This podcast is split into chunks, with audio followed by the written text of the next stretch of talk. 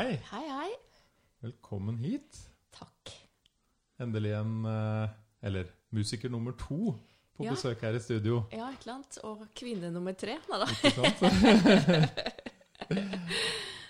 Ja. Du, Bertine, så utrolig kult å ha deg her i dag. Veldig hyggelig å få komme. Ja, Mm. Jeg lurer litt på hvordan uh, musikerlivet har vært det nå siden mars, med korona og den pakka der. Ja, nei, det har jo ikke vært spesielt fett, for å si det rett ut. Um, jeg ga jo ut en plate, jeg, i uh, et eller annet absurd 10.-20. mars. Da hadde du jo truffet skikkelig, da. Ja. Ja. Så jeg eh, Jeg ga til en plate hvor jeg har spilt inn egentlig alle de gamle hitsa mine med eh, pianist eh, Bugge Wesseltoft. Eh, og det er jo Det var jo utrolig gøy å få gjøre. Men det som var liksom eh, prosjektet, eller drivkraften mye bak det, var at vi skulle eh, holde en stor konsert i Operaen. Vi hadde, som vi hadde solgt ut, og alt var veldig spennende, da. og det ble jo ikke noe av. Eh, og så ble den pusha fram til oktober, og det ser jo ikke akkurat ut som det blir noe av heller. Og Ikke nå sant. er den siste datoen 21. mai, tror jeg det var. 2021. Så får vi se, da. Jeg satt og hørte på den i går. Ja, Ja, syns det er fint? den var helt nydelig. Ja, så hyggelig. Ja, Ja, veldig. og um, jeg har jo hørt litt på musikken din som ung, Ja. og så har jeg ikke hørt på deg så mye mer. Nei. Og så hørte jeg på den skiva i går, Mhm. og bare åh, Den var helt utrolig avslappende. Ja, så hyggelig. Det, det var veldig ålreit å få gjøre det. Det har vært en sånn hemmelig drøm å få jobbe med Bugge Wesseltoft. Han er jo den beste til det han gjør. Ja. Så, så vi skal jo faktisk spille nå i helgen i eh, Lillehammer kulturhus for 200, da. Ja, Så, så vi er jo liksom folk, Jeg tror folk savner å være på konsert, altså. veldig. Så, og det var jo helt eh, Vi har gjort en tidligere også. En liten konsert oppå fjellet i Uvdal. Oi. Det var så, så fint, altså. Det var jo nå i sommer. Mm. Så bare det å få liksom Det var en som reiste seg på slutten og sa alt sammen en gang til! Tenkte jeg liksom Ok, folk er ordentlig sultefora, altså. Mm. Mm. Men uh, operaen, ja, har du vært der og hatt konsert før, eller? Nei, liksom jeg har aldri gang? spilt i operaen. Jeg har, eh, det som er litt gøy nå, når du Når man liksom dette er, jo, dette er jo litt mer voksenmusikk da, enn det på en måte jeg har holdt på med tidligere, på et vis, kanskje. Et tullete ord, men eh, Nei, det er jo også en litt um, annen uh, gjeng som jeg tror kanskje hører på Bugge enn de som har hørt på meg. Det tror jeg. Ja. Han er jo på en måte en jazzlegende. Ja, så vil absolutt. jeg si. Og han har jo sitt prosjekt med en gruppe som heter Rymden. Som jo spiller rundt i hele verden. Så eh, Sånn at det var veldig morsomt å se nå når vi liksom Samtidig så har vi ganske like referanser egentlig sånn fra klubbmiljø på tidlig 2000-tallet. Å ja. Mm. Og han har jo gitt ut eh, elektronisk musikk, han også. Så jeg eh, kjenner mye av de samme folka. Og, og egentlig spilte sammen Eller han produserte en eh, låt jeg skrev for 150 år siden. Det var litt gøy, fordi jeg hørte på skiva di, Ja. og så googla jeg det i dag, så kom Wikipedia opp, Ja. og så sto det sjanger. Ja. Og der sto det pop, ja. elektropop Mm. og bubblegum music. Artig. Men det vil jeg ikke si den siste skiva Nei, var. den er vel kanskje Vi er litt sånn over i en eh, litt mer sånn bringebær, camphor drops uh, enn Mm. bubblegum. Den hadde jeg ikke hørt før, men den var morsom. Ja. Mm. Jeg vet ikke hvem som skriver de Wikipedia-sidene. Det er jo alle. Ja, det er jo det. Alle kan bidra. Ja, ja, ja, herlig. Mm. Men hvordan eh, Jeg har jo sett du driver mye med yoga, Ja. meditasjon. Mm. Hvordan henger dette sammen med på en måte det kreative musikerlivet? Eh, nei, det er jo veldig nært knytta. Det er jo på en måte det samme. Eh, min bakgrunn eh, sånn meditasjon, i meditasjon var jo Altså, jeg har ingen søsken. Vokste opp på Frogner i Oslo eh, med foreldre som var veldig opptatt av zen-buddhisme. Okay. Så de ehm, Det var mye meditasjon i, heimen. Eh, så faren min mediterte om morgenen, og moren min om ettermiddagen. Hva slags meditasjon var det de Nei, de drev nå med en sånn zen-hybrid, da. De Ja. satt svært rakrygget, og Mm. mutter'n gikk på zen-kurs og eh, Og det var jo Det var jo litt masete som enebarn å liksom manøvrere seg mellom alle de der mediterende foreldrene. Men samtidig så, eh, så var det jo en barn, barn ser jo hva du gjør, og ikke nødvendigvis hva du sier. Eh, Så jeg blei med moren min og mediterte på av og til om ettermiddagen. Og da var jeg veldig liten. Og eh, det jeg vil si med, om det, er vel egentlig at utrolig tidlig så fikk jeg etablert en, eh, en eh, opplevelse av at, at det er trygt på innsiden. Ja. Eh, og det eh, Ikke sant? At du alltid har et sted du kan gå. Eh, hvor du kan Hvor ingen kan liksom røre deg på et vis, da. Jeg tror den tryggheten på innsiden er noe man mange mister litt Ja. i dagens samfunn. Absolutt. Det er veldig mye, veldig mye kaos, det er så mye ting, det er sosiale medier, det er, mm. det er så mye inputs Ja. hele tiden, hele dagen. Reklamer, Ja, folk, ting du må gjøre. Og dette her var jo 80-tallet, ikke sant? Så Ja. det var jo ikke noe av, noe av det du sier der. så, så liksom starten min i forhold til meditasjon var jo det. Og så ble, var jeg bare veldig opptatt av det. Leste bøker og var opptatt av, opptatt av det tidlig. Um, og tok det liksom med meg veldig når jeg flytta hjemmefra og begynte å studere og uh, ja, liksom, og jeg har jo alltid, liksom, når du ikke har søsken og ikke har uh, telefon og ikke har noe annet, så, så satt man jo aleine. Jeg satt veldig mye aleine på rommet mitt og spilte gitar og, og skrev låter, da. Sånn at jeg tror liksom for meg så er jo ja, det, liksom opplevelsen av den eh, Av at pusten eh, Pusten har liksom alltid vært et sted jeg har skjønt at jeg burde gå. Og så starta jo litt tidlig å være kreativ. Så, så det Når kan- begynte du å Nei, jeg skrev Jeg fikk gitar da jeg var eh, til niårsdagen min. Og da sa jeg at nå vil jeg skrive låter. Og som det ene barnet jeg var, så sa faren min eh, ja, hvis du skal skrive låter, så må du skrive sånn som dette. Og så ga han meg en tjukk bok med alle tekstene til Bob Dylan. så det første jeg gjorde, var egentlig å sitte og lage mine egne, for jeg kunne jo ikke så mange grep, så jeg lagde egne melodier da, til alle Dylan-tekstene. Bare liksom spilte meg gjennom. Eh, og da fikk jeg nå i hvert fall en eh, Fikk nå liksom den derre forståelsen av hva en god tekst er. mm. Ja, det er ikke en dårlig inspirasjon. Nei, det var det ikke, ass. Det var ikke et dårlig tips fra far, det. Nei, det var ikke det. Jeg synes- han var irriterende, selvfølgelig, Ja. når han lanserte det.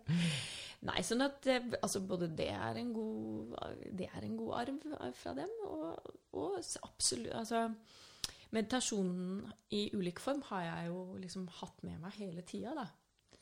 Eh, og har nå til slutt egentlig funnet min form enn så lenge, hvor jeg driver og og mediterer eh, transcendentalt og underviser i transcendental meditasjon. Og hva er det? Nei, det kan du si. Eh, Det er en eh, Det er en mantrabasert meditasjonsmetode som, som har selvfølgelig opprinnelse fra 5000 år tilbake, og sikkert lenger, fra vedaene. eh, Og går på at du får et et mantra på sanskrit, et ord, Mm. som ikke betyr noe, men som setter i gang svingninger i, i sinnet ditt, som gjør at du um, faller til ro, da. Du finner et sted i deg selv hvor det er uh, stillere enn du noen gang kunne håpe på og tro. og, og veldig mm, stressfritt. Mm. Så, så jeg vil si for min del så har det, det gitt, har gitt meg en helt ny dimensjon sånn i forhold til at livet er jo mye Det er mye mer plass inni oss enn det vi tror. Og mye roligere og mye Ja. Mm. Og det er Så jo du har et, eh, et mantra, mm. som er et ord, Mm. Som ikke har noen betydning. Mm. Og så hvor lenge, Hvordan funker det? Nei, altså til forskjell eh, fra veldig mye annen eh, meditasjon Jeg har jo eh, dette som mange på engelsk kaller 'focused attention', hvor du som jeg vil si Altså, jeg har drevet med ashtanga yoga, som er en ganske sånn eh, tydelig og stram form for yoga. Eh, det starta jeg med i 2003. Og så har jeg en mer eller mindre en periode hadde en veldig daglig praksis med det. Og sleit meg helt ut. Og så Det høres ut som alle ashtanga-vennene mine. Ja. Eh, og så kommer du jo til en innsikt om at eh, du må, må gjøre det som er bra for kroppen. Ja. Det er litt eh, Eller de har ikke De har hatt De har hatt sin tid med å gjøre det hver eneste dag, tror jeg. Ja. Som du sier. Mm. Og så kommer du til et sted hvor du må høre på kroppen din. Ja. Og hvor du rett og slett finner ut at jeg bor ikke i India, og jeg har ikke den livsstilen, og det er ikke varmt her hver dag, og ikke sant? Jeg kan ikke stå opp med sola klokka halv fire, for da er det ikke noe sol. Nei, jeg er ikke en ti år gammel indisk gutt. Nei. Nei da. Og den innsikten er jo hard, da. Mm. Nei da. Men, men jeg har jo eh, Jeg har jo fått veldig mye ut av, ut av det Av den skolen der. Veldig. Absolutt. Og, og jeg vil si at den måten Altså for det, det er jo meditasjon på et vis i en ekstremt tydelig innpakning, fordi du får eh, jo alle Du får eh, rett og slett bevegelser, ikke sant? Mm. Eh, som skal holde tankene og kaoset unna. Eh, og på samme måte så har du jo da i den tradisjonen både pranayama og chanting og, eh, og japa mala, hvor du sitter med disse malaene og teller og Ja, sånn, Eh, sånn så- ja. kuler. ja, Sånn kulekjede. eh, Sånne, ja, mens du gjentar og gjentar og gjentar og gjentar. Okay. Em, og da fyller du jo på en måte sinnet med ord, men du gjentar det høyt, og det er på en måte mye mer messende og kanskje mer støttende, på samme måte som asana. Altså bevegelsene er veldig de holder deg, du er ikke aleine med arbeidet ditt, på en måte. Men, men eh, transcendental meditasjon bruker mantra på en litt annen måte, nemlig at du eh, Du skal ikke du skal ikke tydelig og konsentrert gjenta det igjen og igjen og igjen. og igjen, Men du skal eh, Hva heter det? Insert it. Altså det skal liksom bare introduseres da, i det som er der. Og så skal du ha tillit til at disse svingningene i, og lydvibrasjonene gjør det med sinnet ditt, slik at du går dit du skal. Um, men i alle spirituelle tradisjoner vil jeg si at det er jo et element av rett og slett noe du må ha tillit til at kommer til å skje, som du ikke nødvendigvis kan kontrollere selv. Eh, og hvis du ikke har det, så blir det jo tilsvarende litt vanskelig å komme i gang. Um, men eh, det er ikke mye tillit du trenger i forhold til transcendental meditasjon. Det skjer ganske umiddelbart. Ja, for det er det jeg også har hørt om det, Ja, er at det er, det er ganske enkelt, ja det er det. egentlig. det, er det. Og det er egentlig hele poenget òg. Ja. Hvor ofte gjør du det da? Altså, Eh, jeg eh, våkner om morgenen og prøver Jeg har eh, familie og barn på 11 og 13 som skal ut av døra til en viss tid, så jeg liksom står opp litt før dem. Og så eh, sitter jeg i 20 minutter. Og så eh, gjør jeg det jeg skal den dagen, og så sitter jeg i 20 minutter igjen på ettermiddagen et sted mellom tre og seks. Så eh, da er jo tanken at dette er jo en stressoppløsningsmetode, rett og slett. Eh, som setter i gang gode hjernebølger. Så, så, jeg føler av og til at det er Altså i forhold til eh, Du våkner etter en god natts søvn, og ofte kan du føle deg underlig stressa likevel. Man kan det. Man kan det. det er mange som sier at når du våkner om morgenen, så er hodet eller folk, Det er ikke noe folk bare sier, mm. men man har forska på det. Ja. At hodet er egentlig litt stressa state. Ja. Fordi du tenker på alt du skal i dag. Ja. Og alt du må, alt du må finne på, hva du skal ha på deg, du må dusje. Ja. Hva skal du på jobb, hva skal du der, hvem skal du møte? Alt dette starter om morgenen. Hvis man da, Jeg har også meditert mye om morgenen. Mm. Ikke samme type meditasjon som deg, ja. uh, men man får en veldig ro før dagen starter. Mm. Og da føler jeg at man får bedre, mer kontroll på dagen. Ja. Mer fokus. Ja, man gjør det. Og så, så får du det, det som jeg syns er litt unikt med, med den um, transcendentalmetoden, er jo at du Det er som om du blir uh, du blir kulere, rett og slett. Altså sånn, du blir da, kulere? Ja, du blir kulere. Ja. Men i ordets rette forstand, da. Du, blir, du opplever at, at, du blir mer elastisk i forhold til ting. Du blir mindre nevrotisk. Altså sånn um, Det kan skje veldig mange uventa elementer eller mange ting som kan oppstå uten at du liksom får helt hetta i forhold til sånn som du hadde planlagt at ting skulle være. Og det er nok en sånn ting som jeg ser har mest verdi i hverdag, hverdagslivet mitt. Uh, for folk har veldig ofte tydelige tydelige definisjoner på hvem de er. Som går på sånn 'Jeg tåler ikke Jeg er så lydsensitiv. Jeg tåler ikke det. Jeg kan ikke gjøre det. Jeg må gjøre sånn og sånn før jeg gjør sånn og sånn.' Og så ser du at det er blir veldig ofte en veldig snever kategori du til slutt sitter igjen med, da. Man er ganske programmert? Eller liksom ja, veldig. dypt inne i rutiner og Ja, og Mye er styrt fra underbevisstheten, var det en annen som sa på podkasten her. Ja, At, uh, hva var det? 70 eller 80% av ting du gjør, er liksom underbevisste handlinger. Ja. Og 20% styrer du selv. Ja. Og sånn meditasjon kan jo sikkert hjelpe med å gjøre deg bevisst da, på Ja, absolutt. Og så tror jeg at um, altså meditasjonen uh, ja. Nei, du, du, ser deg selv på en litt annen måte, da. Etter hvert. Hvis du mm. holder i gang. Dette er jo også en Jeg må jo le jo litt av, av, det av og til, fordi jeg velger meg jo systemer som egentlig har ganske mye disiplin i seg. Jeg ser jo at jeg er trukket mot det. Eh, både med ashtangaen, som er den i utgangspunktet seks ganger i uka, og Streng eh, yoga. Ganske rigid på mange, mange, måter, samtidig som at du kan jo eh, inn, innføre akkurat hva du vil i det også. Mm. Men det er bare vanskelig av og til hvis du er en type personlighet, å liksom holde avstand.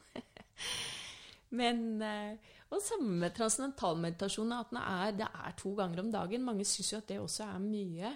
Men jeg opplever jo at det er en mye mildere form for uh, for uh, søking.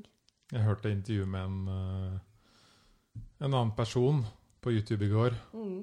Som snakka om hva er det, transcend, transcendental ja. meditasjon. Ja. og han sa også det Bruke 20 minutter om morgenen og på ettermiddagen. Mm. Og så sa han som intervjuet Men jeg føler ikke at det er mye tid. Mm. Og han sa etter jeg begynte med det, så har jeg kun følt at jeg har fått mer tid i livet. Ja. Jeg har fått mye mer tid. Ja. Fordi han sa jeg følte den tiden utenom som jeg hadde før, den var mye mer støyete. Og Mm. mer, eh, jeg var mer forvirra, og jeg brukte ikke den tiden godt. Nei. Mens når jeg begynte med den meditasjonen, så hadde jeg en bedre ro. da. Jeg var ikke så mye stressa. Nei. Nei, du får et litt annet blikk på hvordan du driver og baler med ulike ting i hverdagen. Og du, det betyr jo ikke at du ikke betyr jo ikke at du liksom mister den evnen til stress, men Nei, når, nei. Du, når det kommer, og når du begynner å øse deg opp og jage deg opp, så, så ser du veldig godt hvilke mekanismer som er i sving, da. Og så kan du liksom se på det. Det er ikke nødvendigvis at det går over, men uh, det er sånn, ok, nettopp, ja. Og det tar den plassen. Og så kan man liksom kjenne det venstre armen, så sitter det stresset. og så blir det mer håndterbart. Så, um, så man, man eh, Jeg vil jo si at eh, denne metoden her er eh, Den er så avslappende. Jeg hadde et kurs nå i helgen. Ja. Og da hadde jeg For nå går jo alle med pulsklokker, ikke sant? Og Ja. alt skal fuckings måles, ass. Så når du Og, og folk sover med dette. Du ser dette. på og- meg. Ja, ja, og jeg tok av min nå fordi noen ringte ikke sant, midt i, og da de Altså, du blir, er jo så accessible alt, hele ja. tiden. Men, men eh, Men folk sover jo med dem. Eh, Det har jeg aldri gjort. Og så sier de jeg våkner om morgenen og tror jeg har sovet godt, så ser jeg på klokka, så ser jeg jo at det ikke stemmer, og så blir de dritstressa. Ja, Det sa en kompis av meg i går. Jeg var ute og spiste lunsj. Ja. Og så sa han bare sånn derre Han har jo små barn. Ja, ja. Og så sa han eh, Ja, jeg våkner jo tidlig om morgenen, og så er jeg kanskje bitte litt eh, sliten og har liksom vært oppe en gang med barna og sånn. Ja. Og så sjekker jeg klokka, da. Og så står det der at jeg sover dritdårlig. Og da blir jeg dritsliten med en gang. Da er liksom dagen over. Det er så bra. Vi er allerede overtatt av eh, roboter, Ja. men vi bare skjønner det ikke selv. Nei da. Men, men det som var gøy, var jo at en av de på kurset, hun, hun hadde jo da sovet med den der eh, klokka si som vanlig, da, og hvor det står at den laveste pulsen er 60 slag når hun sover. Og så hadde hun våkna, og så hadde hun meditert. Og da er laveste pulsen når hun mediterer eh, 53. Wow. Og da, eh, ikke sant, sånn at eh, eh, den tilstanden du kommer i når du eh, mediterer transcendental meditasjon, den er jo da lavere enn når du sover. Altså sånn i forhold til både fysisk og mentalt, vil jeg si. Men, men det som skjer når kroppen slapper så eh, mye av, og alle systemene sakker ned, ikke sant, eh, så opplever man en veldig årvåkenhet sånn i sinnet. Og det er veldig interessant. Med mindre du er veldig trøtt, da sovner du. ikke sant? Så det, Ja. er- vi er jo mennesker. Men, eh, men hvis du har egentlig godt med søvn, og så går kroppen helt ned dit, og så sitter du der, da Da blir du litt sånn overraska over hvor stor hjernen føles. Mm. Hvis det går an å si det sånn. Vi bruker jo så lite av hjernen. Hjernens kapasitet. Vi gjør det. Ja, vi gjør det. Ikke sant? Sånn at når, og, og mye av det går jo på at eh, det er mye støy som vi dealer med hele tida. Mm. Så det er interessant å se nå eh, at faktisk når du fjerner mye av den støyen så totalt to ganger om dagen, så skjer det andre prosesser som settes i gang. Da. Og det er det jeg syns er så gøy med såkalt spirituelt arbeid og disiplin. Det er jo at du øver deg på én ting, Mm. og så skjer det noe helt annet.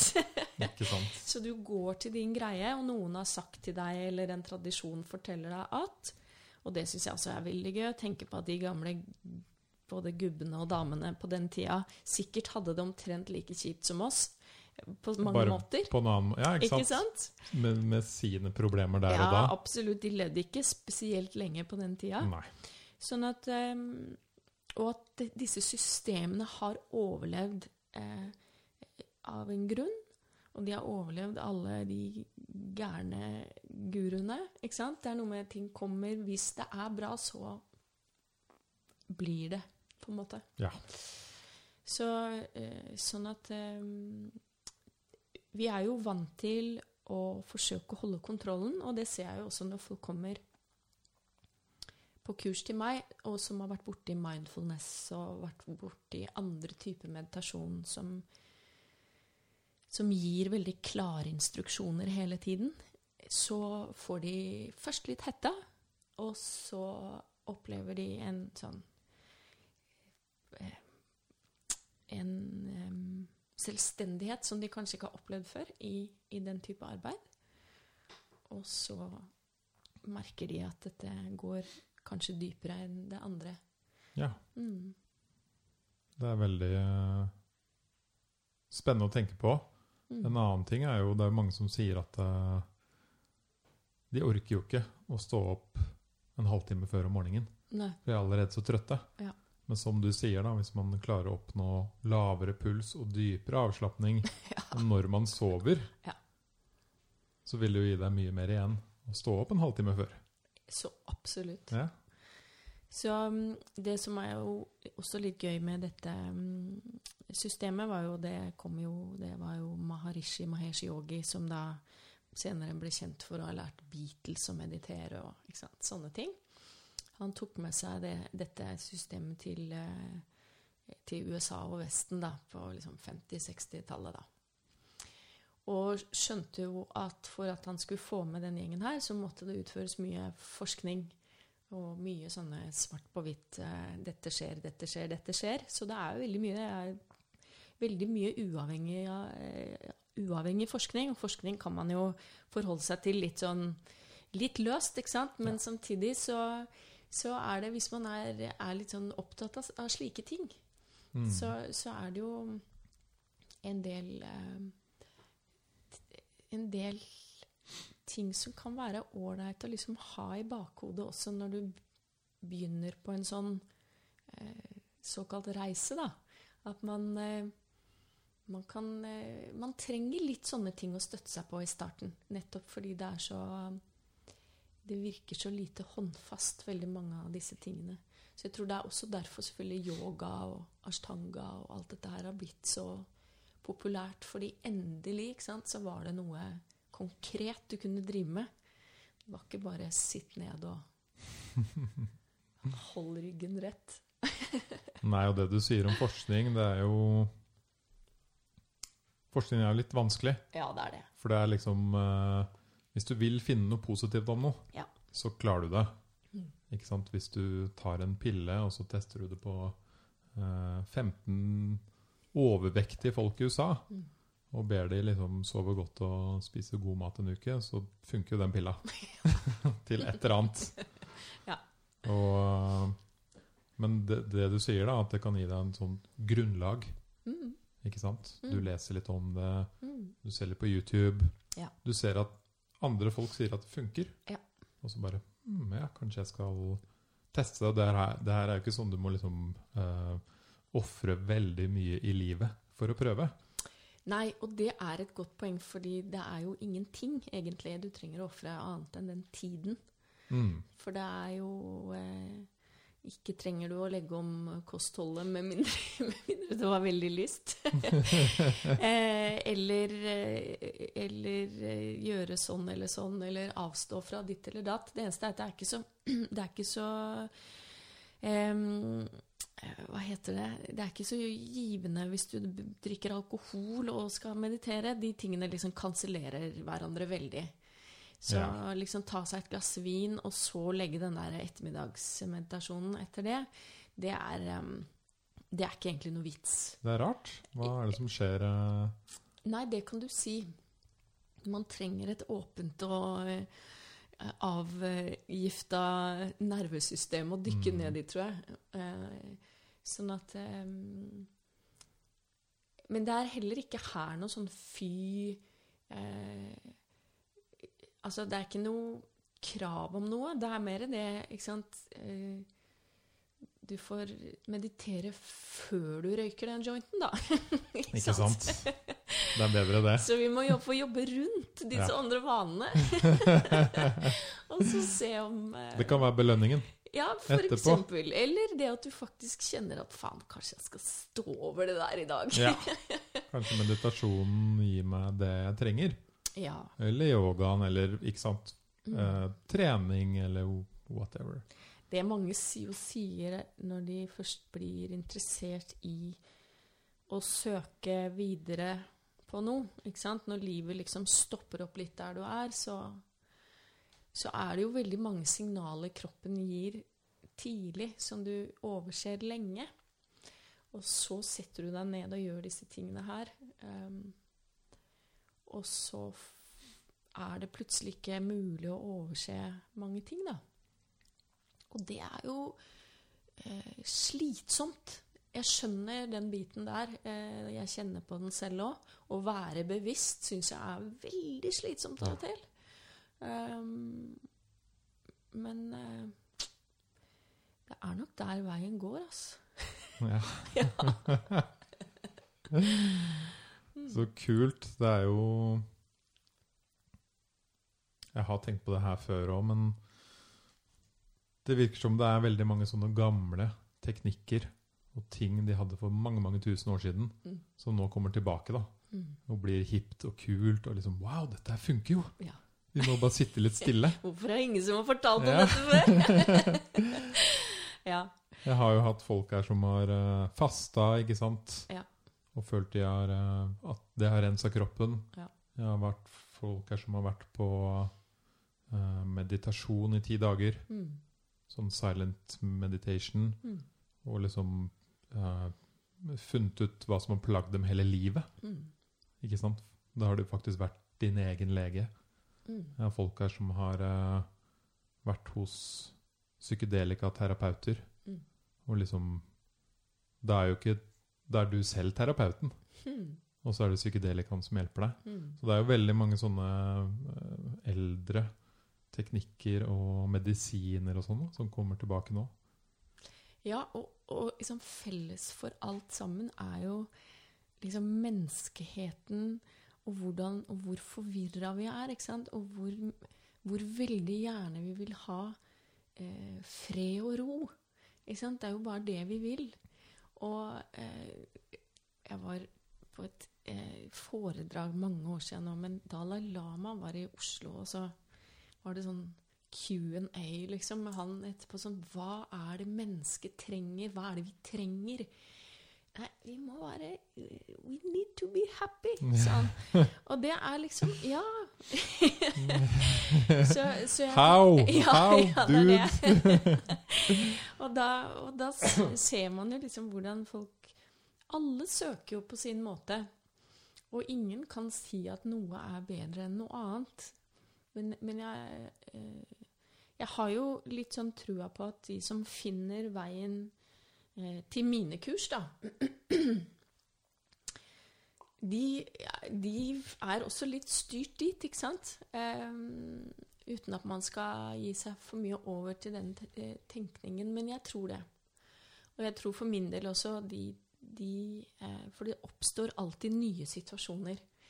Min lærer Inge Gerd Espås sier liksom Det som er så gøy med dette, er at du vet jo aldri hva som kommer til å skje.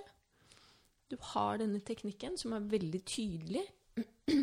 Jeg finner ikke på noe ekstra. Og så overfører du den til nye mennesker. Og så ser du hva som skjer.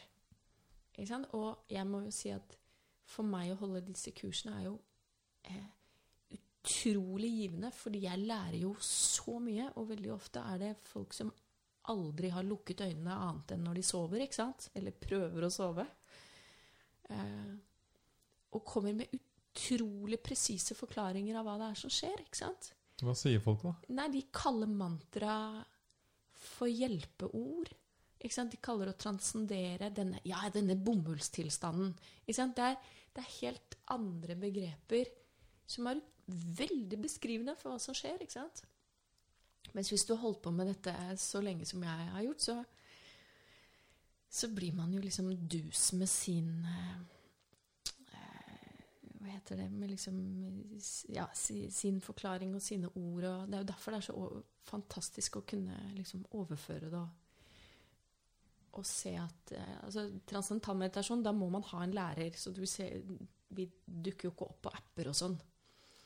Nettopp fordi at det er en veldig sånn sterk tradisjon om at dette Her må man gå i jungelen med noen som har litt skarpere machete enn det du ja, har selv.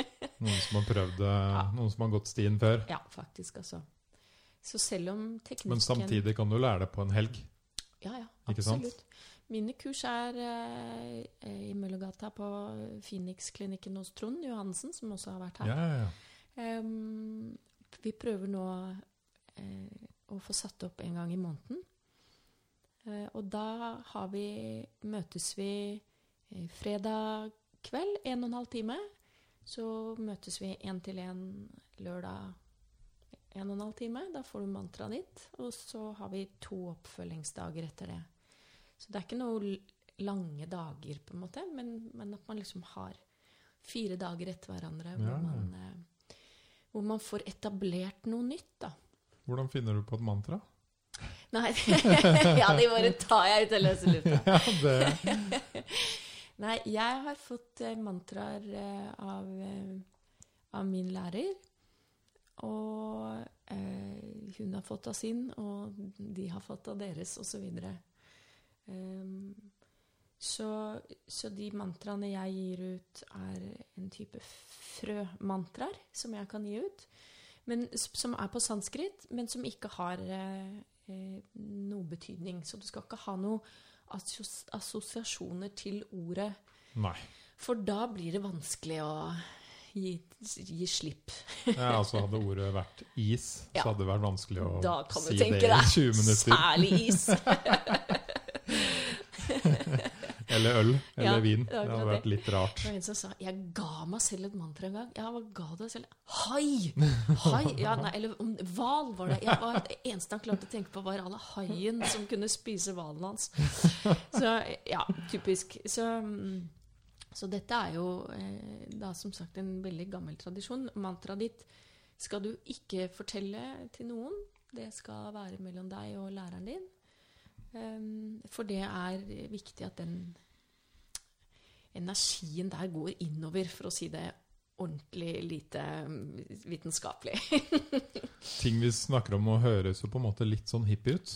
Ja, Men så er det jo ikke det i det hele tatt. Jeg synes, altså, I forhold til alt det andre hippie-greiene jeg har vært borti i løpet av et liv, så syns jeg dette er enestående håndfast. Ja, ikke sant? ja. Så, og det, det, er jo derfor du, som du sa, det, det, kommer opp ting eh, som funker, kommer opp med jevne mellomrom. Og nå er det jo en veldig bølge av dette eh, transcendental i USA, og det er mye kjendiser som driver og mediterer.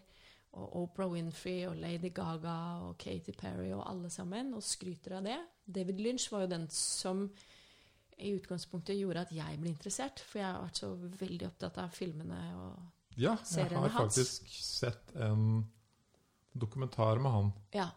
for en stund siden. Ja. Og så var han og ble intervjua, ja. og der snakka han om transcendal meditation. Da. Ja, og han mm. har jo holdt på med det i 50 år.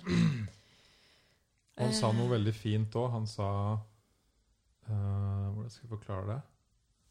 Han sa f.eks. når du leser en bok, da, så er sinnet ditt ja, Nå viser jeg med henda, men mm. kanskje så stort. Mm. Det er ganske lite. Mm. Og så mediterer du, og så blir det litt større. Mm. Du får en større betydning for deg, og du forstår det bedre. Mm. Ikke sant? For du har en ro i hjernen din. Mm. Og så sa han, så blir det enda litt større. Og så kan du lese enda bok, så er det enda større. Og det samme sier han om livet òg. Du går ut og ser du på et tre, og så har det kanskje så stor betydning fordi hjernen din er så full av ting. Mm og så har du meditert, og så har det tre, enda litt større betydning. Nå tenker du kanskje mer på naturen, og det rundt deg og jorda og ja, ja, ja. alt sånn. Absolutt.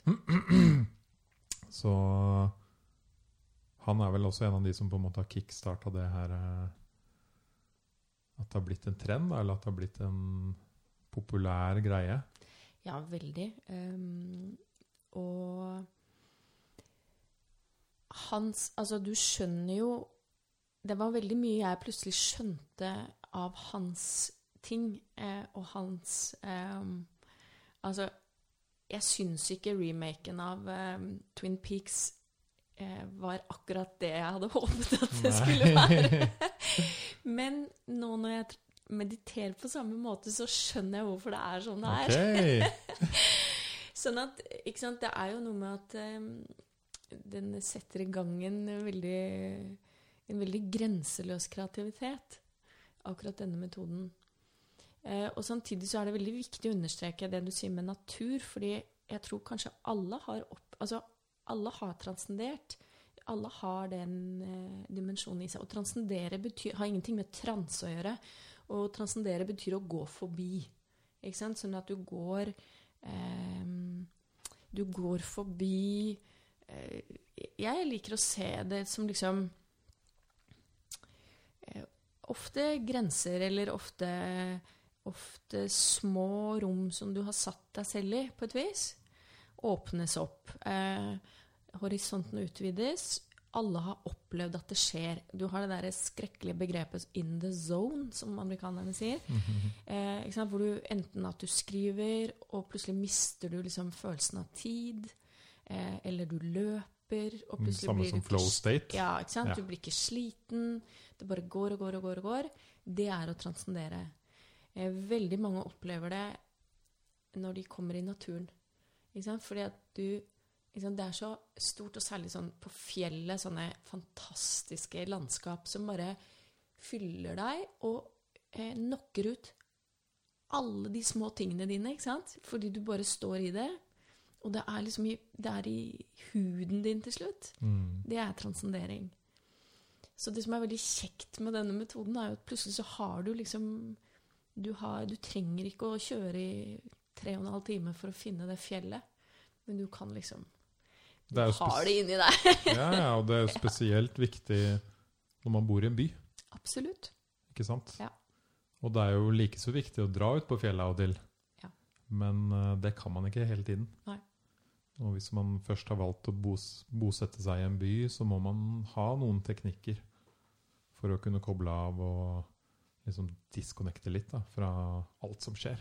Ja, veldig. Og, og særlig nå hvor du får vite at nå er vi alle i samme båt, og denne pandemien, og nå er det viktig at vi jobber sammen og sånn. Men så kommer du ut på gata, og så er det det eneste du skal, det er å holde avstand. Ja. Til alle som du såkalt er i samme båt med. Det er jo utrolig selvmotsigende opplegg. ikke sant? Mm. Egentlig burde jo alle bare sitte og holdt hverandre i hendene og kumbaya og Ja. nå skal vi slå denne pandemien. Men sånn funker det jo ikke. ikke Det gjør ikke det. Sånn at eh, det første kurset jeg har satt opp, var på, midt i korona. Eh, altså, kursene mine er veldig små og koronavennlige. og skal aldri overskride ti, men holder seg sånn mellom tre og seks stykker. Um, jo, og det var på krav fra noen som, eh, som sa nå, nå orker vi ikke å gå ned gata engang. Nå, liksom, nå er vi så hudløse, nå er vi så engstelige, så nå må vi få gjort noe. Eh, og det var det første kurset jeg hadde. Og det, det var veldig ålreit, altså. Hva sa folk da?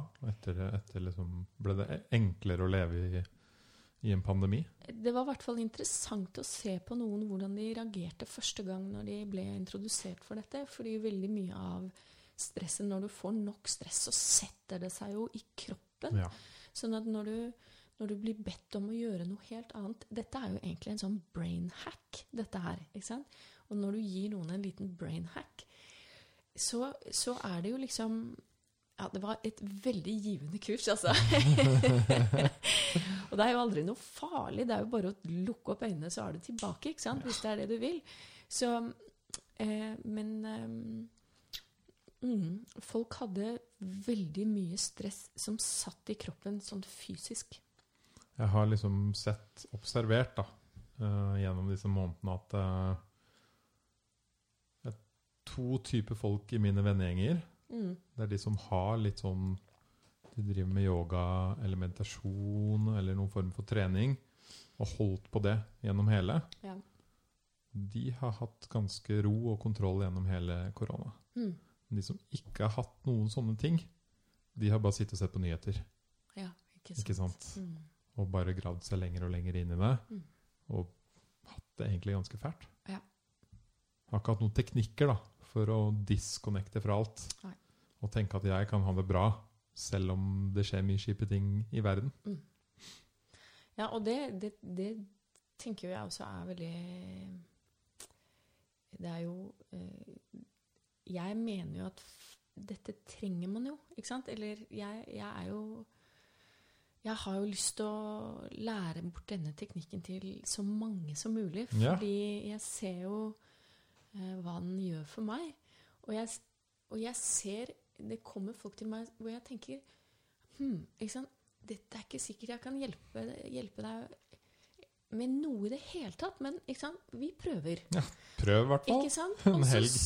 man, ja, og så setter man i gang, og så skjer det ting med folk som eh? De får Etter første timen så har de mer farge i ansiktet. Ikke sant? Ja. Ja, men det er sånne ting hvor du kan liksom bare sitter og observerer eh, at noe skjer som for så vidt ikke har noe med meg å gjøre. Eh, og det er jo det å, å ha det privilegiet å kunne overføre noe sånt. Mm. Eh, jeg har jo levd et liv med, mens jeg har vært artist. Jeg har jo vært artist i gud hjelpe meg snart 25 år. ikke sant? Det er en utrolig egosentrisk tilværelse. Og har jo i perioder vært helt ekstremt egosentrisk. ikke sant? På hvilken måte da? Nei, jeg har jo enda yrkesskader av sant? Folk spør om jeg vil være med på ditt eller datt, og så forventer jeg at de bare ordner opp. Ja. Ikke sant? Så når du sier sånn eh, Ja, har alle liksom skaffa billett? Så har jo jeg aldri det. Du har ikke det? Aldri. For det bare hva? Er det ikke noe management her som eh, Det er jo grusomt. Man blir et grusomt menneske. Man Eh. gjør det. Mm. Men samtidig så har jo jeg alltid hatt meditasjonen i bakhånd, sånn at jeg har kanskje, kanskje bare blitt litt grusom. Jeg tror ikke du er grusom. Nei da, men du det. skjønner hva jeg mener. Ja. Du har bare litt sånn der virkelighetsfjernt bilde litt- av uh, hva Mm. hvordan det funker. Man blir det. Og så er man omgitt av, i hvert fall når man har opplevd en veldig suksess, som jeg gjorde, så er det jo bare Det er eh, egofestival i alle ledd, ikke sant? Um, Hvordan er det å leve gjennom det? nei, det er ganske ko-ko, altså. Ja. Eh, nå har jeg alltid Jeg har eh, vært sammen med samme mann i nesten like lenge. så, så Og han har aldri på en måte eh, vært noe særlig imponert av noe. I hvert fall ikke sånn ikke sånn fanklubb-imponert, og det tror jeg har vært veldig viktig. Ja. Jeg har alltid hatt, har alltid hatt uh, en sånn reality check hjemme. Uh, samtidig som jeg selv alltid har sett på dette som veldig forbigående. Uh, jeg har aldri liksom jeg, jeg, har, jeg kan telle på én hånd hvor mange ganger jeg liksom har satt meg ned og nytt det, på en måte. Og det tror jeg også har sitt utgangspunkt i, i at jeg har jobba innover hele tiden. Men, men du kan ikke unngå å bli eh? Fordi å bli smigret eh, Og det står i avisene hvor vidunderlig du er. Du kan tenke deg selv. Det er umulig å ikke bli påvirka av det. Ja. Um, og det, sånn sett i etterkant så er det en utrolig interessant opplevelse å ha vært gjennom som menneske. Eh, og alt som bygges opp på den måten, det kan ikke bli der for alltid. Og så er det hvordan du begynner å klamre deg til ting som du skjønner du må la gå. Og du er den første som skjønner det, ikke sant? Så du ser dette så mange år før det egentlig inntreffer. Um, nei, det har vært kjempeinteressant, og jeg tror at det, det har gitt meg noen dimensjoner som, eh, som jeg virkelig ikke vil være foruten, altså. Mm. Mm.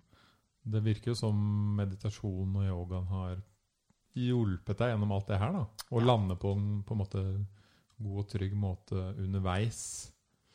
Det har det. Den det egotrippen har har Ja, jeg har nok alltid kunnet gå inn Det er ikke alltid jeg har gjort det, Nei. men jeg har alltid kunnet praktisere noe som gjør at jeg ser eh, hva dette egentlig er.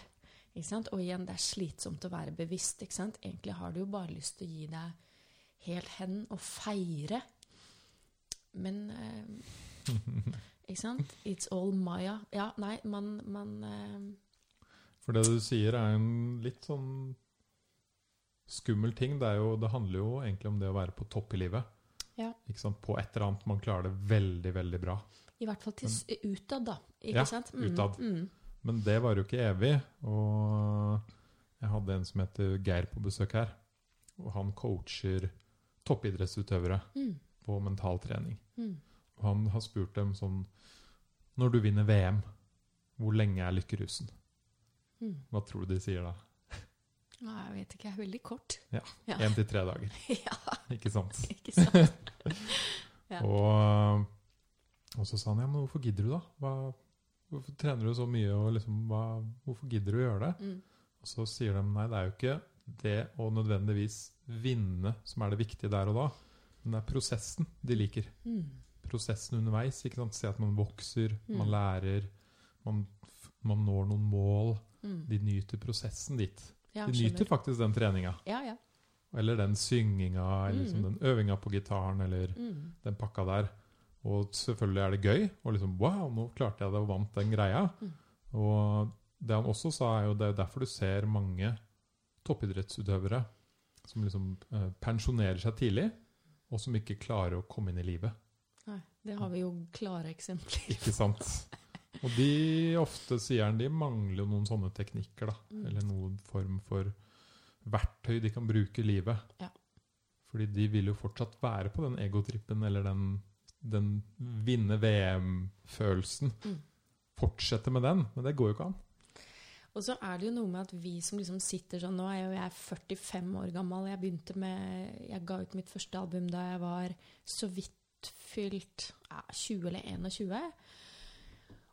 Og det å skulle liksom fortelle meg selv da Altså nå, nå er det viktig at vi liksom ikke ikke miste bakkekontakten for mye, og nå er det viktig at du liksom forbereder deg på at dette kommer ikke til å vare evig. og sånn, Det er jo fullstendig unødvendig informasjon for en 20-åring på den tida. Ja. Ikke sant? Fordi der skal du, du skal jo bare vinne. ikke sant? Det er guts and glory hele jævla veien.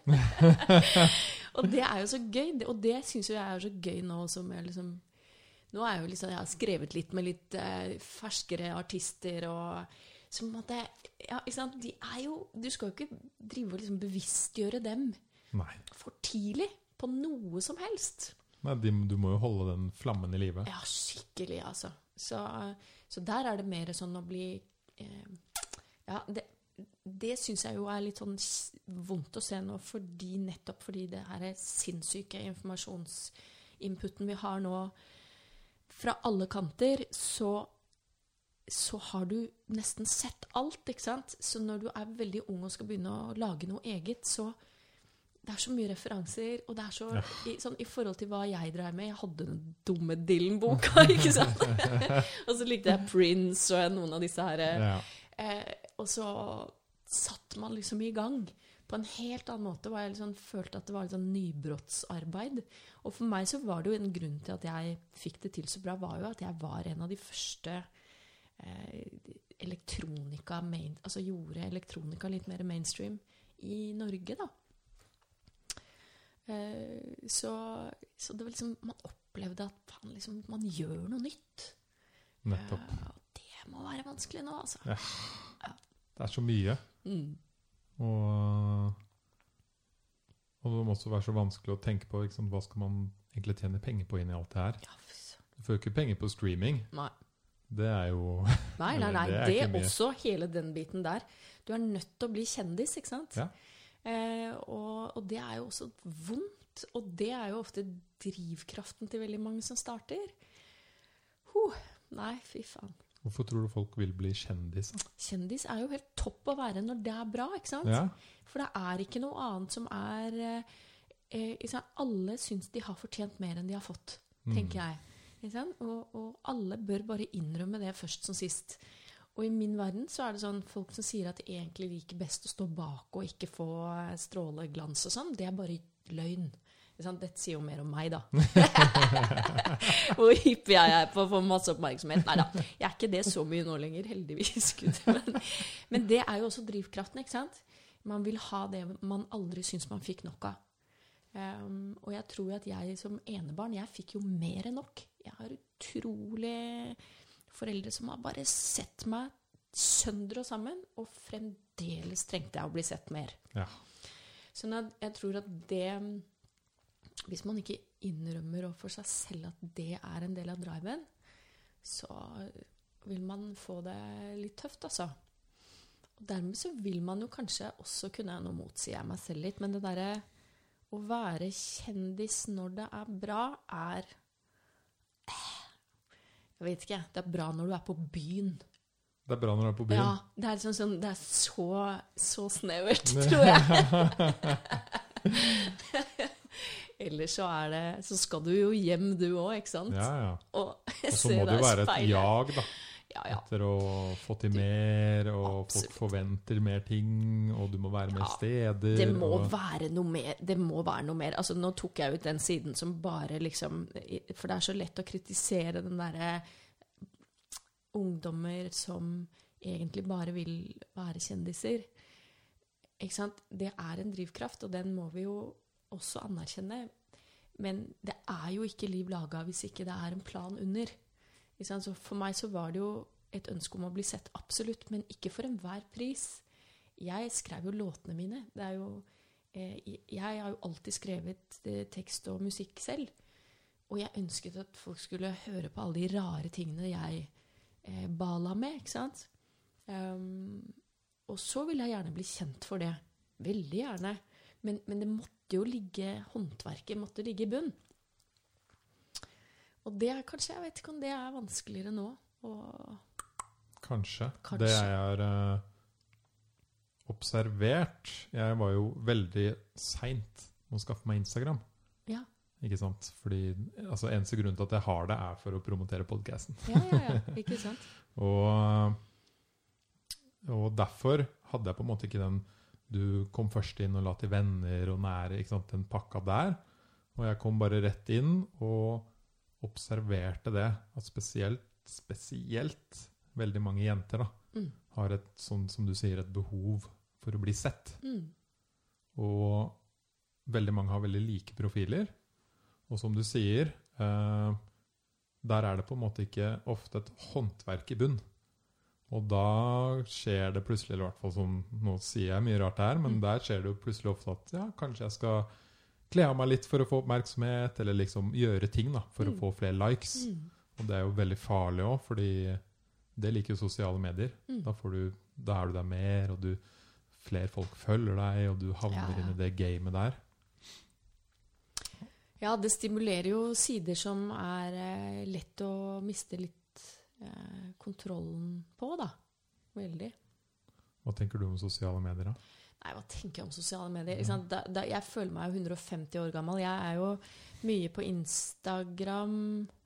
Eh, men det er jo også fordi jeg Jeg bruker det på en måte som en jobb. Jeg driver jo ikke og Jeg legger jo ikke ut så veldig private ting.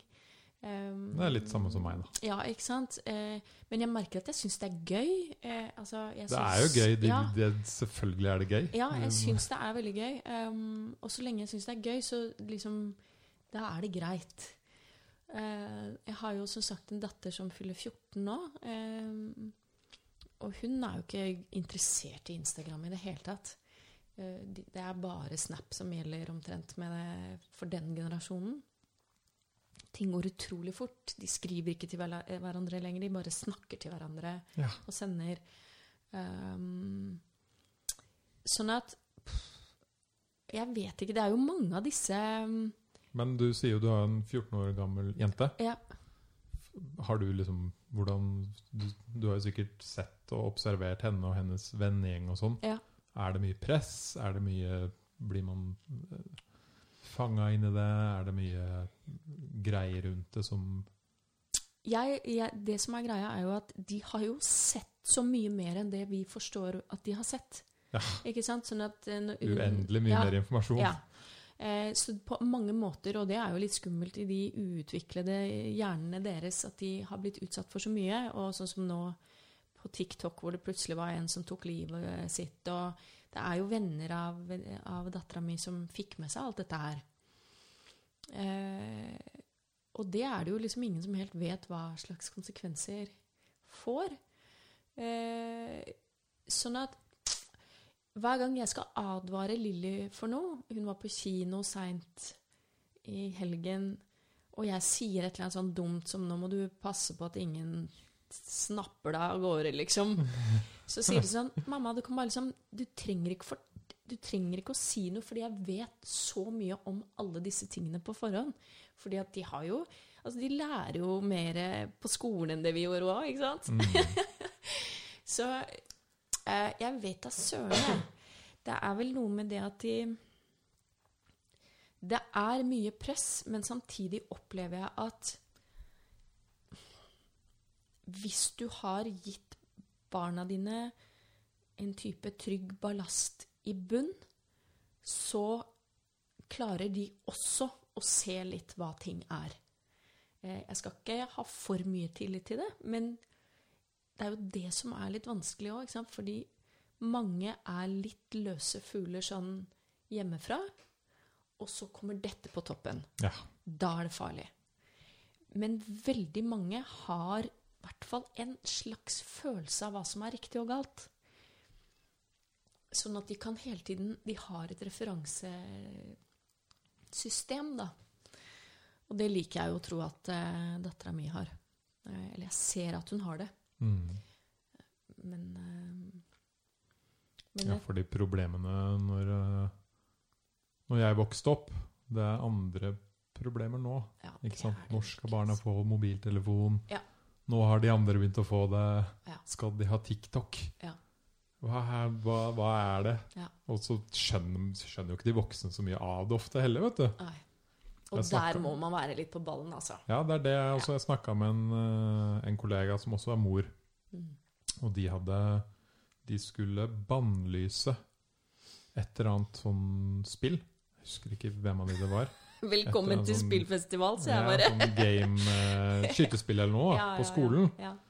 Og så hadde hun spurt i dette foreldremøtet bare sånn Ja, har noen av dere prøvd spillet? Nei, Nei. ingen har prøvd det. Og så sa hun ja, mannen min har sittet og spilt det mange, mange kvelder med, Mm. med sønnen min og testa det. Og liksom, dere må jo i hvert fall prøve det Ja. før dere liksom? De har sikkert googla 'Er det spillet fælt for sønnen min?' Ja. ja. Ja, selvfølgelig. Det er kjempeille. Ja, nei, man må være litt på ballen, altså. Det må man. Um, så, og det blir man jo tvunget til, heldigvis. Når man, eh, og jeg ser jo liksom hvordan jeg kan gjøre det innimellom. Plukker opp noen tips fra henne i forhold til hva jeg kan gjøre på Ja. min Instagram. Men eh, ja. Men enn så lenge så syns jeg jo så syns jeg at det er gøy, og jeg har jo mine liksom formelle kanaler i forhold til liksom eh, artistvirksomhet og Det er liksom sånne ting, da. Mhm. Hvordan er det Hvordan er på en måte musikerlivet nå i forhold til før? da? Nei, Du altså- har jo hatt en reise. Ja, veldig. Og jeg har jo på en måte mm, Jeg har holdt på med det så lenge, så jeg har jo Altså for meg, jeg skriver jo Jeg ser meg selv mer som en sånn tekstforfatter, jeg. Så jeg Om jeg skriver bok eller musikk eller hva jeg gjør, det, det mm, Så lenge jeg får skrive, så er jeg fornøyd. Mm. Så nei, hvordan er det? Vi spiller jo Vi er jo avhengig av å få spilt konserter. Det er der pengene ligger. Ja. Ja. Og det er det jo nesten ingen som gjør nå. Nei. Og de vi gjør, de tjener vi ikke noe særlig på. Så eh, ja, det er eh, Jeg tenkte mer sånn utenfor korona. Ja. Mm. Eh, hvordan det er utenfor korona. Ja, hvis du tenker i fjor, da. Ja, jo da. Jo, nei, men det er jo eh, For meg så holdt jo jeg på med med den plata i hele fjor. Så eh, det vi heller selvfølgelig aller helst ville ha gjort, var jo å reise rundt og spille Ja. eh, med, med det prosjektet.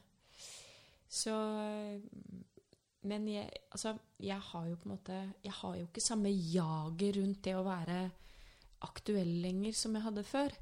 Og det føles veldig ålreit. Det er jo derfor jeg gjør mange andre ting også. Så man må heller forsøke å begrense seg litt for hvor mye man setter i gang. Mm. Mm. Ja, Nikolai som var her tidligere, han er jo også pianist og musiker. Mm. Og han drev nå og snakka om han kanskje ville prøve å bli arkitekt. Ja, ikke sant? Jeg bare wow! Ja. Ja. Kult! Så, og veien er jo ikke så lang heller innenfor ting som er kreativt, da. Nei. Eh, og for meg, som sagt, så går jo den her eh, sant, Den andre store, eller egentlig min første store kjærlighet, var jo det å drive med, med den type arbeid som jeg får gjøre nå med disse meditasjonskursene. Så det er jo Ser jo ut som noe helt annet enn å gi ut plater, holdt jeg på å si, eller gi ut album, men det er for meg veldig nærliggende Eller det gjør meg Det gjør meg veldig ja, happy, da. er det ikke det man skulle være? Jo, det er jo det. Det er jo det egentlig alle vil. Ja. Man må jo bare ikke glemme det. Nei, At det er det man vil. nei, det er veldig sant. Mm. Og så finnes det jo mange stier for å bli glad. Ja, og det som ser mest fancy ut sånn utad, det er ikke alltid det som er det mest eh, bekreftende sånn for deg selv, da. Og det er også artig å, å se. Mm. At det er en tid, en tid for alt, og dine egne behov forandres jo også veldig. Og det å være liksom ung kvinnelig popartist er en ganske snever eh, hylle å være på også. Så mm, Ja, nei, alltid sin tid, altså. Mm. Mm. Ja, og det er jo, som du sier, sikkert enda vanskeligere i dag. Når det er så sykt mange unge popartister, og alle kan legge ut musikken sin. Ja. Enkelt. Veldig. Og det er jo den med mest penger som, og den feiteste kontrakten som får laget de beste tracksa, Mm. og som får hitsene, på en måte. Ja. Det er, eh, det er sjelden man hører hjemmesnekra verdenshits fra soverommet. Nei, nå har du jo Billie Eilish, men uh, likevel. Mm. det er alltid noen unike som Det er alltid noen uh, som bare ut. var meant to be. Mm, det er det. Men uh, veldig kult. da. Det er jo spennende å høre hvordan dette mm, med meditasjon og yoga og musikk på en Mm. måte henger litt sammen. Ja. Eller for din del, da. Ja, I ditt liv. Ja, det er jo liksom bare det å forsøke å jobbe sammen en litt sånn helstøpt menneskeform, og så eh, Det hjelper på det kreative òg. Ja, veldig. Det er, det, det er virkelig det samme. Så- Har du prøvd sånn, kom til å tenke på meditasjon, har du prøvd sånn floating tank? Nei, det har jeg veldig lyst til. Ja, Ja, det, det ser jo så behagelig ut. helt sykt behagelig. Ja, du har gjort det? Ja, ja. Ja. Jeg har gjort det mange ganger, og du ligger jo nesten vektløs, Ja, det er ikke sant? ikke sant? I en, eller du føles vektløs Ja. i en tank. Og, og der får du virkelig være med hodet ditt, da. Mm. Hvor lenge ligger man i en sånn om gangen? Det nå. en time. Ja Får du ikke mye vann i ørene? Nei, du ligger liksom Ørene tilpasser seg. Å ja. Ja. ja. på en eller annen rar måte. Ja. Så det er litt rart å komme inn i det i begynnelsen, Mm. og så finner du roa, og så Ja. blir du liksom fortapt inni det. ja, det må jeg teste ut, altså. Det hørtes deilig ut. Ja. Mm. Men hva med kosthold, da? Henger det også sammen med alt det her? For det er jo Ja, det gjør det jo selvfølgelig. mm, Og man blir jo så fintuna på kroppen, eh, liksom de fysiske prosessene, når du, når du gjør så mye indre arbeid. så, så plukker man jo veldig tydelig opp hvilke signaler kroppen gir, da. Eh, så måter du kanskje liksom har eh, fungert, eller som har fungert greit tidligere, eh, slutter plutselig å gjøre det, men det har jo med alder å gjøre også. Ja. Men eh, Men jeg har jo sett veldig tydelig at, eh, at eh, Nei, jeg får klar beskjed, altså, fra, fra den fysiske delen av meg når det liksom Når jeg fyller opp med feil ting. Ja. Mm. Helt enig. Det er jo som om Som du sier, lærer utover i livet. Ja. å bli kjent med sin egen kropp. Mm. Men du blir mer bevisst, når, tror jeg, da, når du har noen, noen form for teknikker, eh, sånn som meditasjon eller yoga eller trening Ja. generelt. Ja. Og, og så tror jeg også at eh, spesielt nå, for liksom immunforsvarets del, er det utrolig viktig Mm. å holde på med sånne ting. Ja. Ikke sant? Eh, trene, være aktiv, meditere, yoga, spise sunt. Mm. Da tror jeg du Skulle du vært så uheldig og fått korona, så kommer du til å kjempe gjennom det mye hardere. Ja, det tror jeg også. Eh, Men så har du jo da igjen Jeg har to liksom tenåringer i huset, og jeg ser jo det igjen. Det er som å si til dem eh, På samme måte som at du advarer noen som er i ferd med å skulle liksom overta jorda. Altså verdensherredømme. Det er det eneste som står i hodet på dem, og så skal du begynne å advare dem, sånn som vi snakka om i stad. Eh, sånn at Og liksom eh, Jeg syns det er vanskelig å føre Hvordan man skal føre gode, sunne vaner videre til barna. Det er ikke så mye annet man kan gjøre enn å vise hva man gjør selv. Og så ser jeg jo innimellom at de velger Stort sett velger de på ingen måte riktig. og det går ikke an heller å liksom sant? De får tak i det de er hypp på Ja. uansett. Sånn at jeg tror det mm, Mediterer de eller noe sånt? da? Får du de med på det? Nei, Nei, nei, jeg gjør jo ikke det. Jeg har nå gitt et mantra til dattera mi, men pff, ikke interessert. Så eh, Nei, jeg tror bare det er viktig. Du holder på med ditt, Ja. og så ser de hva du gjør, og så får man bare se. Men som du sa da når du var liten, Mm. så syntes du det var veldig rart i Ja. begynnelsen. Ja. Hva er det de holder på med? Mor og far driver og sitter og har røkelse på rommet og driver med eh, Ja, ja. Lukker øya og hva, hva er det de holder på med? Jeg vil jo ha den oppmerksomheten som jeg har lært nå. ja. Og så er det jo sånn, ikke sant Man vil jo gjerne spise de digge tinga som de andre på skolen spiser, og Ja. den pakka der. Man vil det. Så man får alltid bare liksom forsøke å ha et alternativ.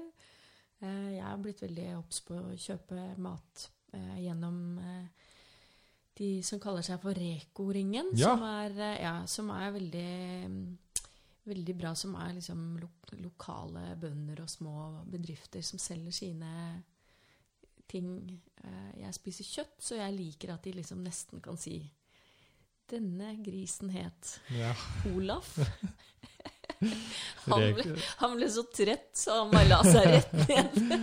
Sånn var faren min med pinnekjøtt i fjor. Ja. Han bare ja, vi var ute på. Oppegård på en gård der, og så vi, vi pekte på den, Ja. den Han så så sliten ut.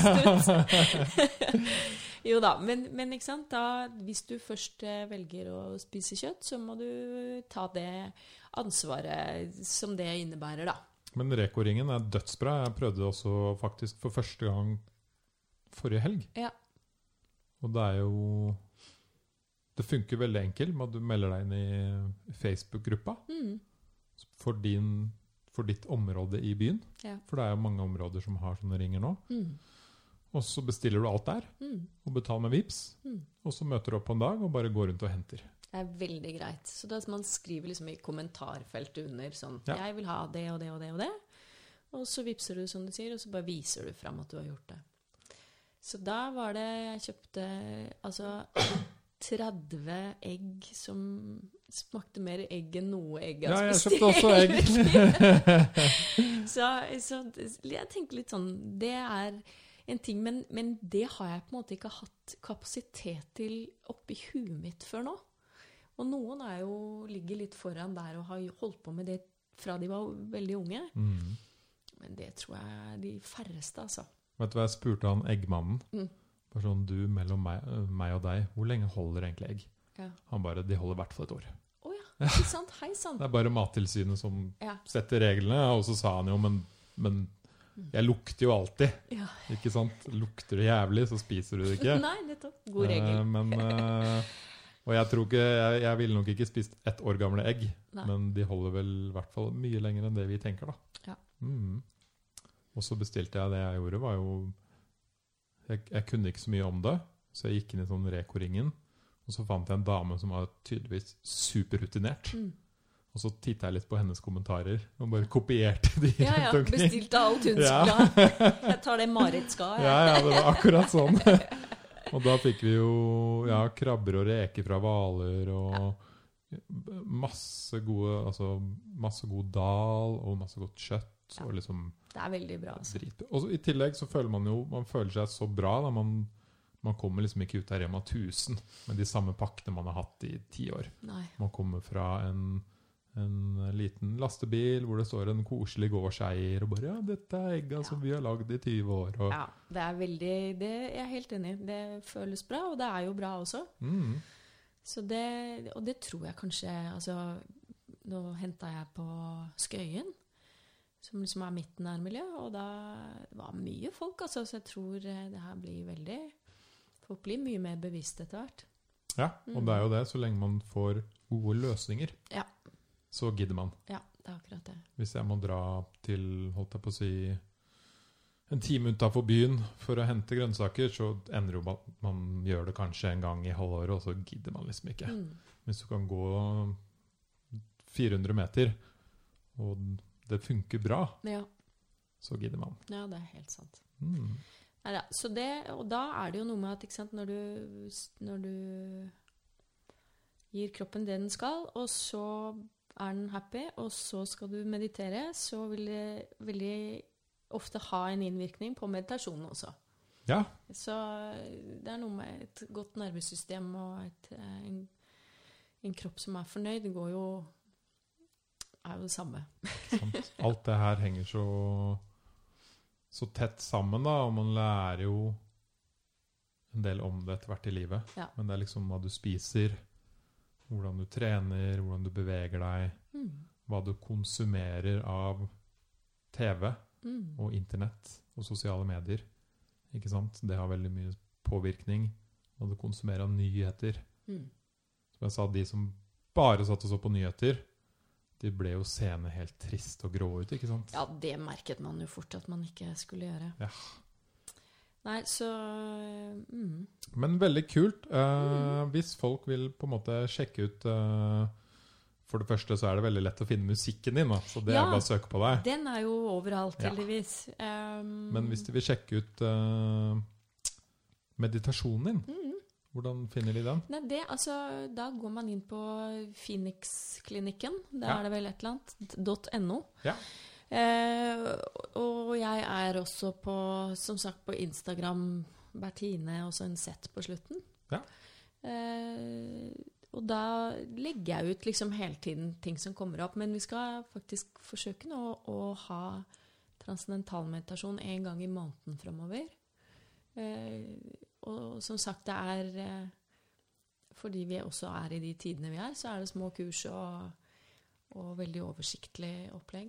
Så eh, da er det bare å komme, altså. Det vil man ikke angre på, tror jeg. Kult. Så sjekk ut uh, Bertine Z. Mm, På Instagram. ja. Ja, Mm, Bertines. mm. Eh, og Hennings Verden på Instagram. Ikke minst. Og tusen takk for at du kom hit i dag. Veldig hyggelig. Skravla går. Ja, den Ja. gjør det. Og det var kjempekoselig. Veldig. Veldig bra måte å starte dagen på. Ja, i like måte. Mm. Så får du ha en fin uke videre. Og dere som lytter òg.